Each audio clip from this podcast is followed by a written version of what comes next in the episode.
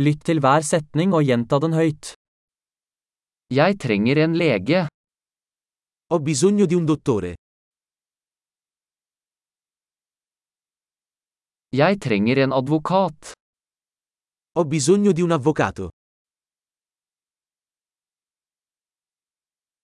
Jeg trenger en prest. Ho bisogno di un prete.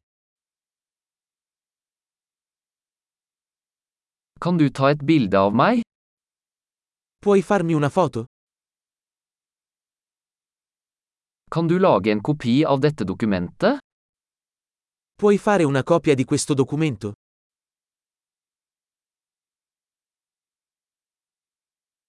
Kan du låne meg telefonladeren din?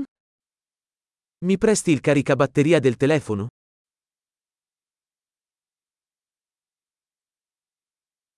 Kan du fikse dette for meg? Puoi aggiustare questo per me? Kan du ringe en taxi for meg? Puoi chiamare un taxi per me? Kan du gi meg en hånd? Puoi darmi una mano?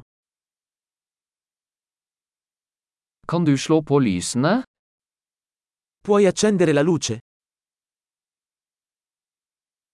Kan du slå av lysene? Puoi spegnere le luci? Kan du vekke meg klokken ti? Puoi svegliarmi alle 10? Kan du gi meg noen råd? Puoi darmi qualche consiglio?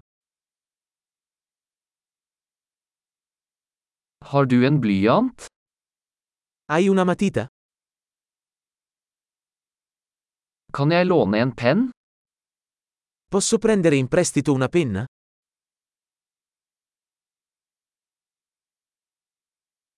Kan du åpne vinduet?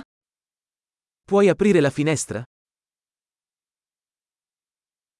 Kan du lukke vinduet? Puoi chiudere la finestra? Hva er navnet på wifi-nettverket? Qual è il nome della rete Wi-Fi?